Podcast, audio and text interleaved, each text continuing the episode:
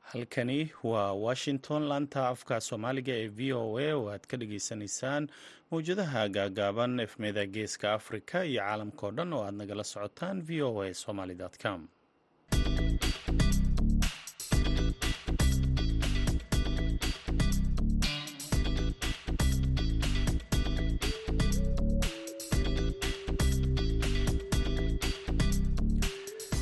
Duhur wanaagsan dhegaystayaal waa kowdii iyo barkii duhurnimo xilliga geeska afrika iyo shantii barkii aruurnimo xilliga washington d c waa maalin khamiis ah sagaalka bisha februaayo sanadka laba kun iyo saddex iyo labaatanka. Idaacadda duhurnimo ee barnaamijka dhallinyarada maantana waxaa idinla socodsiinaya anigoo ah cabdulqaadir maxamed samakaab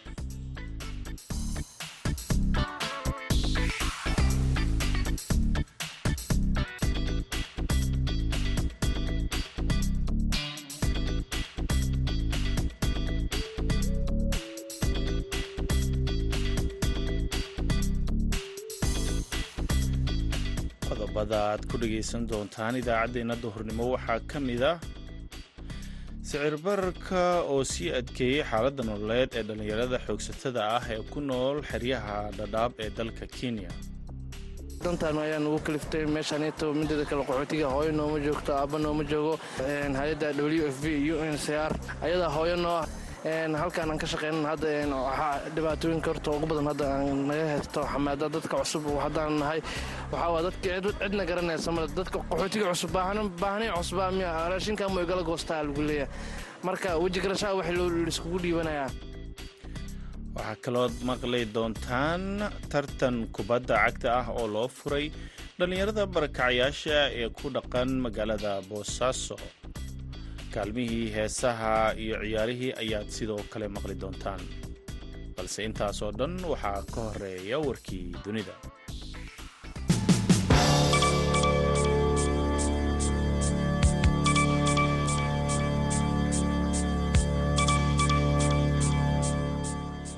madaxweynaha ukrein valadimir zelenski ayaa khamiista maanta tegaya magaalada bruseles ee dalka beljamka halkaas oo uu kaga dalban doono xulufada hub fara badan oo uu adeegsado dagaalka uu isaga difaacayo duulaanka uu dalkiisa ku qaaday ruushka. Zelenski ayaa sidoo kale wadahadal halkaasi kula yeelan doona midooda yurub si uu u dardargeliyo dadaalkiisa uu ku doonayo xubinka noqoshada ururka oo muddo dheer ay u soo tiigsanayeen madaxweynaha ukrein ayaa waxaa safarkiisa ku welin doona dhiggiisa dalka faransa emmanuel macron xilli dambe oo khamiista maanta ah si ay uga qayb galaan shirka baarlamaanka midooda yurub sida uu ku dhawaaqay xafiiska macron. Haddii xaaladda amni ay u saamaxdo hogaamiyaha ukrein ayaa khudbad uu taageero hor leh. Ugu dalbanaya ka jeedinaya kulanka golaha baarlamaanka ee midooda yurub iyadoo ay soo dhowdahay sanad guuradii koowaad ee ka soo wareegtay duulaanka ruushka ee ukrein oo soo bilowday afarlabaatankii bisha febraayo ee sannadkii hore. Saraakiisha ukrein ayaa dhinaca kale sheegay in ruushka ay wakhti ku qaadan doonto inuu weerar cusub ku qaado dalkooda ama bariga dalkooda abbaaraha afar labaatanka febraayo. Dagaalka ka socda dalka ukrein ayaa galaaftay nolosha dad fara badan iyadoo malaayiin ruux ay ku barakaceen. Sidoo kalena waxaa burburay kaabayaashii dhaqaalaha ee dalka ukrein kuwaas oo madaafiic ay ku duqeeyeen ciidamada ruushka armita abasi oo ka mida dibadbaxayaasha iiraan ayaa lagu sii daayay xabsiga. Amita oo lagu eedeeyey inay ahayd hogaamiyaha dibadbaxyada ka dhashay gabar dhalinyaro ah oo ku dhimatay xabsiga oo lagu eedeeyey inay ku xadgudubtay anshaxa oo aysan xijaab la'aan ahayd. Waxaay la kulantay waqti aada u adag laakiin hadda ayaan aad ayaan u faraxsanahay ayay tiri aabaha abasi ayaa ku soo qoray bartiisa twitter-ka inuu soo dhoweynayo gabadhiisa oo la sii daayey qareenka amita abasi shahla oruji ayaa sheegtay usbuucii hore maxkamadda inay ku eedeysay amita dacaayad ka dhan ah jamhuuriyadda islaamiga iyo shirqool dembiyada ka dhanka ah amniga qaranka.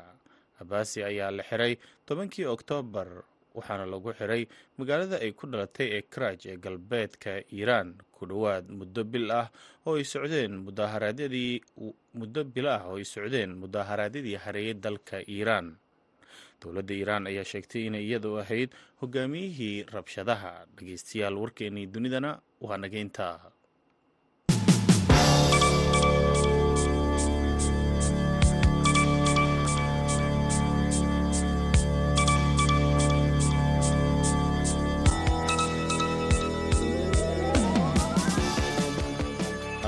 warkaasi ka dhageysanayseen waa idaacadda v o a oo idinkaga imaaneysa washington.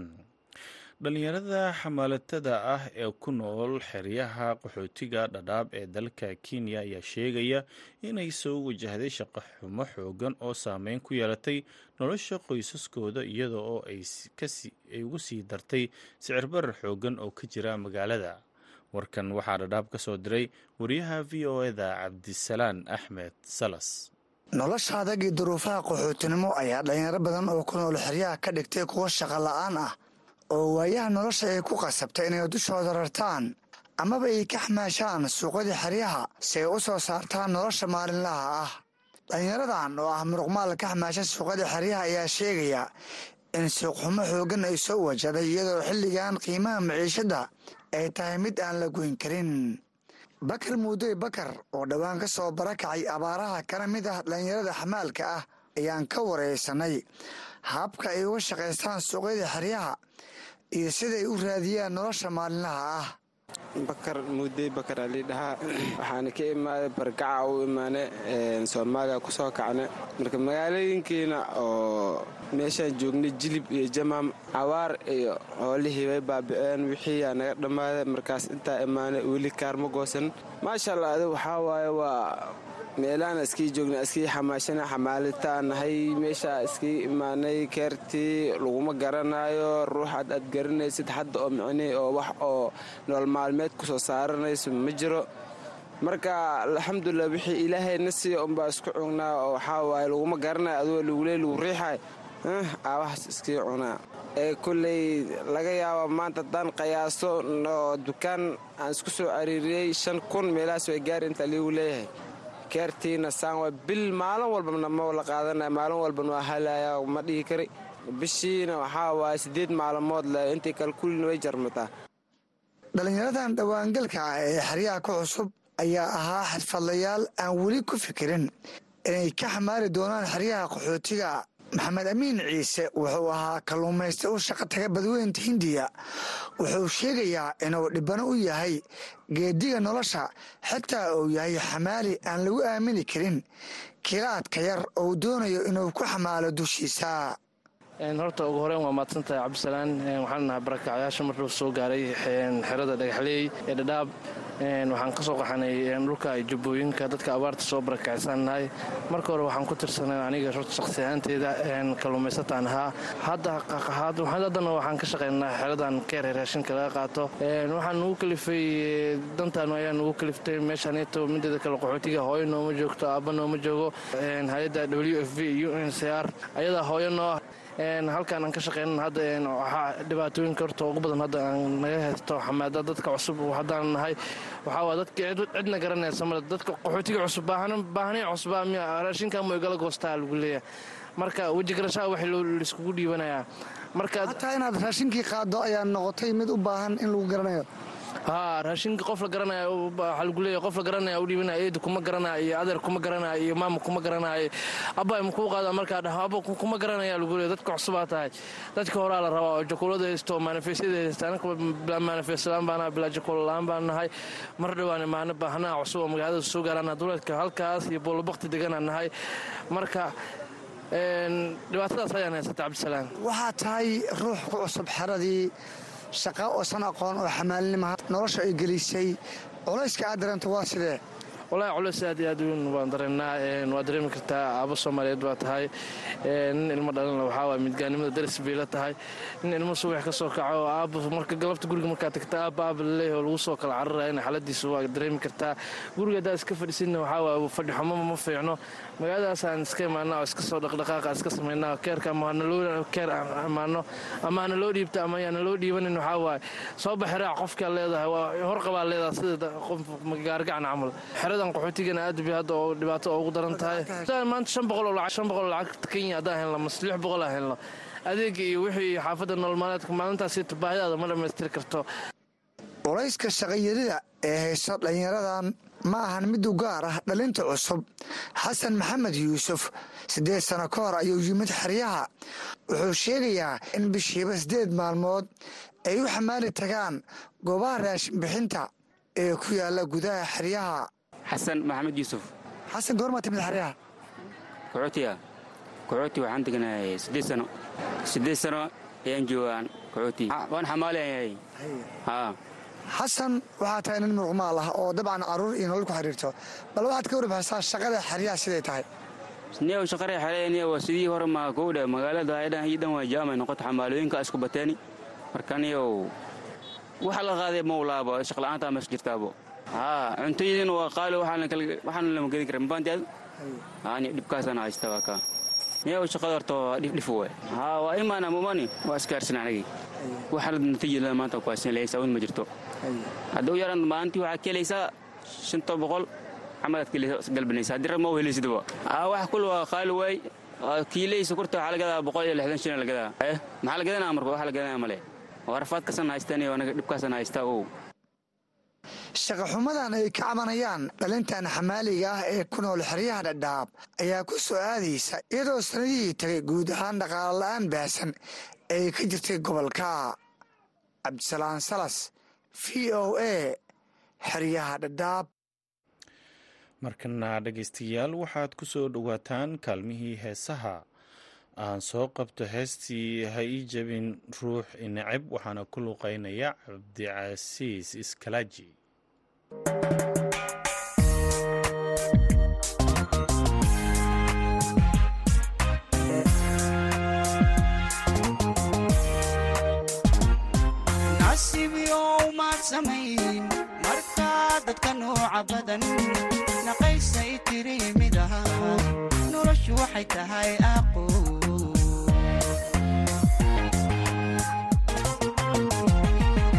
nasiibyow maad samayn. Markaa dadka nooca badan naqaysay tiri mid aha noloshu waxay tahay aqo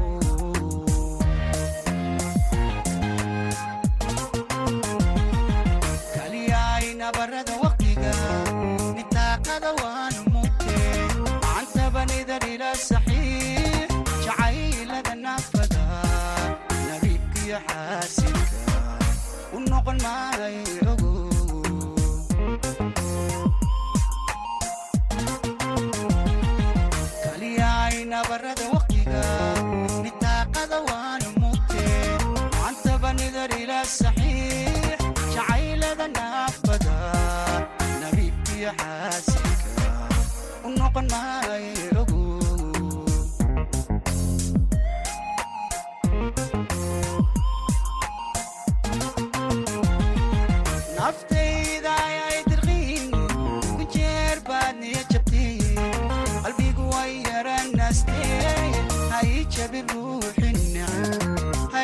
hay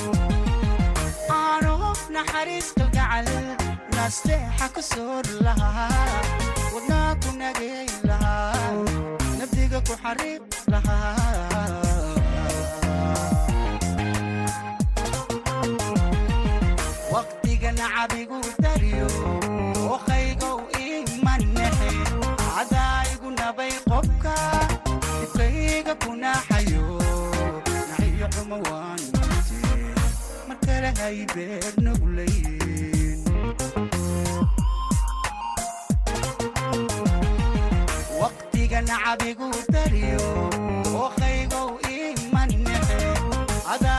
nabay qofka intaas aan ku dhaafna heestaasi uu ku luqeeyo cabdicasiis kalaaji. Weli waxaad nagala socotaan idaacadda v o a oo idinkaga imaaneysa washington. Magaalada boosaaso ayaa waxaa laga furay tartan kubadda cagta ah oo u dhexeeya koox oo ah dhalinyaro laga soo kala xulay kaamka barakacyaasha ee magaalada boosaaso iyadoo ujeedka uu yahay in sare loo qaado isdhexgalka dhalinyarada lana madadaaliyo. Waryaha v o eda yuusuf maxamuud yuusuf ayaa warbixintan ka soo diray boosaaso koobkan kubadda cagta ayaa u dhexeeya lix iyo labaatan koox oo laga soo kala xulay heerka saddexaad ee barakacyaasha magaalada boosaaso iyadoo hadafkana uu yahay in dhallinyarada laysku keeno isdhexgalka bulshada maadaama ay ka kala socdaan kaamanka ku yaalla degmada boosaaso kubaddan cagta ah oo dhallinyaradu ay ku xifaaltami doonaan ayaa ka dhici doona garoon ciid ah. Galab walbana halkan ayay ku ciyaari doonaan. Guddoomiyaha barakacyaasha boosaaso maxamed cali guure ayaa sheegay in loo baahan yahay in la dhiirigeliyo dhallinyarada kaamamka si ay u soo bandhigaan xirfadooda kubadda cagta. Anigoo ah gudoomiyaha dhiibeesa degmada boosaaso waxaan maanta furi doonnaa koobkii loogu magac daray gooliskaab tartankii loogu magac daray gooliskaab waxaana ka qaybgelaya lix iyo labaatan kooxood. Koobkana waxaa noo maalgelisay agabkiisa iyo dhiirigelinta naga bixisay shirkadda goolis oo aad iyo aad noo garab taagan oo mar walna jecel dhallinyarada dhiibeesa inay garab qabtaan. Marka waxaan jecelnahay dhammaan bahda sportska iyo inay garab istaagan insha allahu tacaala tababaraha kooxda barakacyaasha magaalada boosaaso xuseen maxamed axmed ayaa bahda isboortiga puntland gaar ahaan magaalada boosaaso ka codsaday in la garab istaago dhallinyarada barakacyaasha magaalada boosaaso si ay u soo bandhigaan xirfadooda. Waxaa kale uu sheegay in dhallinyaradan ay ku jiraan kooxo heerkooda uu sarreeyo si looga faa'iidaysto. Waxaan ku faraxsannahay bulshada sida khaasatan iyo dhikaamyada inay heerkan ay soo gaaraan waa wax ka dambeeyay bahda sboortska oo gobolka bari. Iyo marka waxaa la rabaa intaan in ka sii weyn inaan sii gaarno ama bulshada lasa gaarsiiyo dhiirgelin loo sameeyo waxaan ka codsanayna bahda sboortska ah. In dhallinyaradan dhiirgelin u samayso waxaan kaloo ka codsanayna bahda sboortska ah. Inay dhallinyaradan garoonkan garoonka wanaagsan u samayso runtii meesha ku yaaran waa dhagax. Waxaan u baahannahay dhiirgelin fara badan iyo dhikaamyada degannahay meelo buuro dhagaxyaa ku ciyaarnaa. Waxaan u baahannahay gudoomiyaha sboortska in la garab istaaga mar walbo saamaanta u garab istaagsan tihiin kan dowlad kan sboortis waxaan ka codsanaynaa intaan in la eg inaa soo garab istaagtaan. Dhinaca kale cabdimaalik bulshaale cartan oo ka mid a dhallinyarada magaalada boosaaso kana mid ah ciyaartooyda kooxaha heerka koowaad ee degmada boosaaso ayaan wax ka weydiiyey xilli uu ku sugnaa dahfurka koobkan sida uu arko dhallinyaradan koobka loo qabtay barakacyaasha bismillahi raxmaan raxiim ugu horeyn yuusuf waa mahadsan tahay. Galabta waxaan joognaa garoonka barakacyaasha ee magaalada boosaaso. Runtii waxaa fursad la siiyey barakacyaashii halakan joogay. Runtii dhalinyartii xirfadoodii iyo kubadoodii bay soo saareen goobatan ku sugnaa garoonkan ciidda. Runtii dee waxaa maalmaha kan dambe iyo bilooyinkii ugu dambeeyey soo badanayay qabashada koobabka halakan barakacya waana aragtaan garoonku isagoo garoonku saas yahay oo ciidda yahay bay runtii dhalinyaradu xirfadooda ku soo bandhigaan. Islamarkaana waxa weeye xulashadooda ama tiimamka ugu fiican oo kubadda oo waxaweye lugtooda maali kara oo halakan ay ka soo baxaan runtii marka runtii waxaana bogaadinayaa in sida quruxda badan mar walba loogu furo dhalinyarta koobab noocan oo kalea bahda muxuu ahaa kubadda cagta sportska gobolka bari runtii ilgaara bay mar walba ku fiiriyaan bilooyinkii ugu dambeeyey qabashada koobabka noocan oo kalea waxaana fiican in sportska guud ahaan iyo gaar ahaanba marka ay tahay barakacyaal runtii hadda waa aragtaa yuusuf garoonku waa garoon ciida. Ma wax muxuu ahaa rooga roog hadduu ahaan lahaa almini wax dhan ahaan lahayd. Ciiddaas bay ku soo bandhigaan xirfadooda iyo wixii ay waxa weeye lugtooda ay ku soo bandhigi karaan. Marka waa mahadsantiin idinkana ka saxaafadahaan waa idinku mahad celinayaa booqashada aad mar walba ku soo booqataan halkan oo aad soo gudbisaan runtii waxyaalaha ka jira ama waxyaalaha waaqiciga ee halkan ka socda sboortska weliba sboortska aad baan idinku dhiirigelinaya waa markii ugu horreysay oo lix iyo labaatan koox oo ka kala socda kaamamka barakacyaasha magaalada boosaaso loo qabto koob kubadda cagta ah oo dhexdooda ah waxaana looga gol leeyahay inay soo bandhigaan xirfadooda laguna dhiirigeliyo kubadda cagta. Yuusuf maxamuud v o e boosaaso markana dhegaystayaal waxaad ku soo dhowaataan wararkii cayaaraha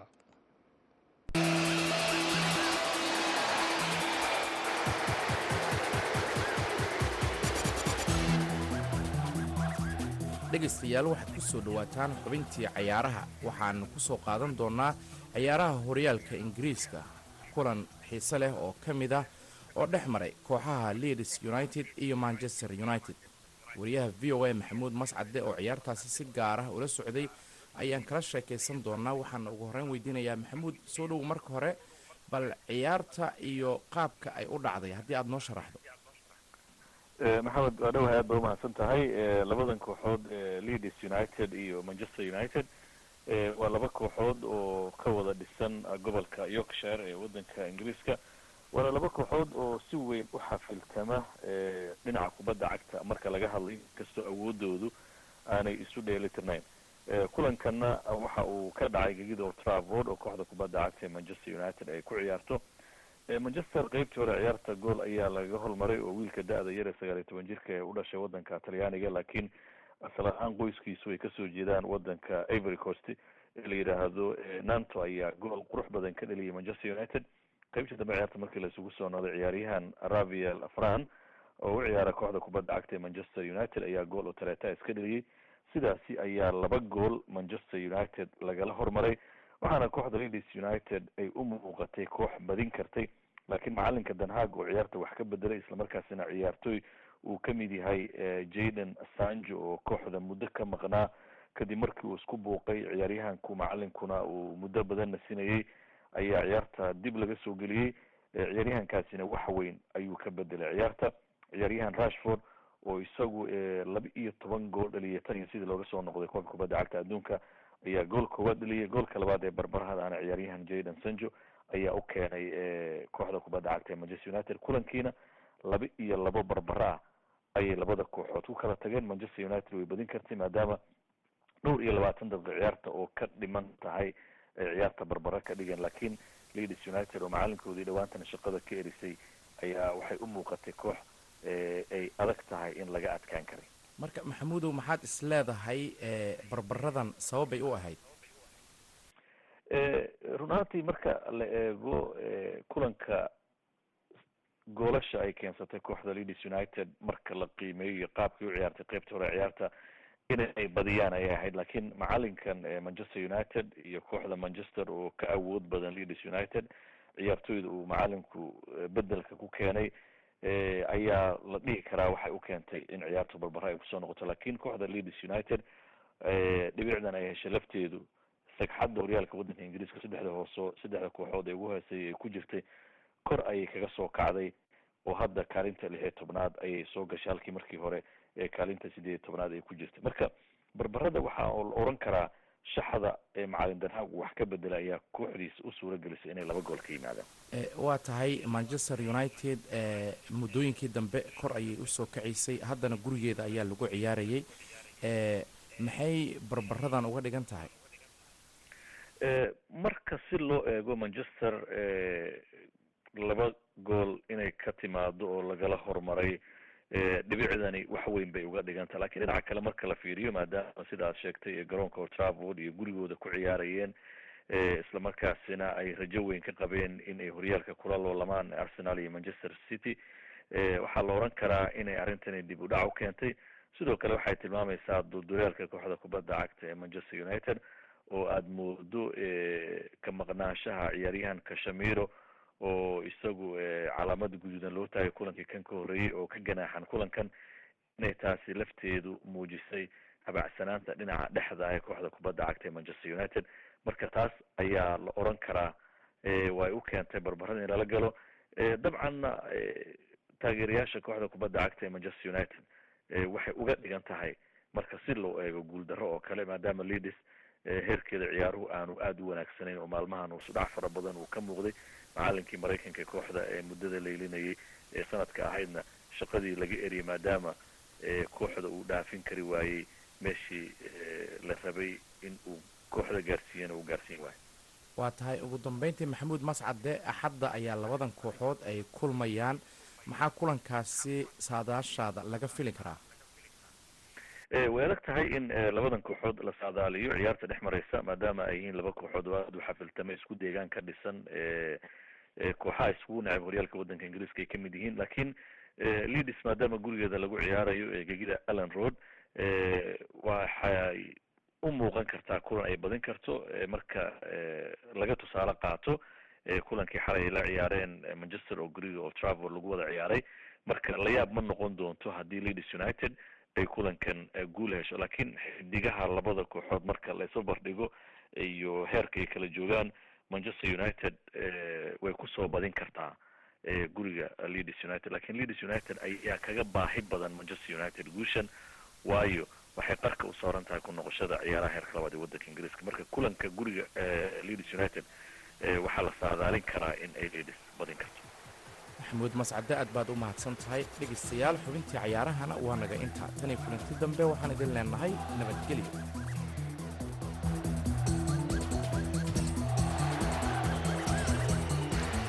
Aaday u mahadsan yihiin maxamed bashiir cabdiraxmaan iyo maxamuud mascade oo nala socodsiinayo xubintii cayaaraha markana waxaad ku soo dhowaataan kaalmihii heesaha heestii milgo iyo codkii nimcaan hilaac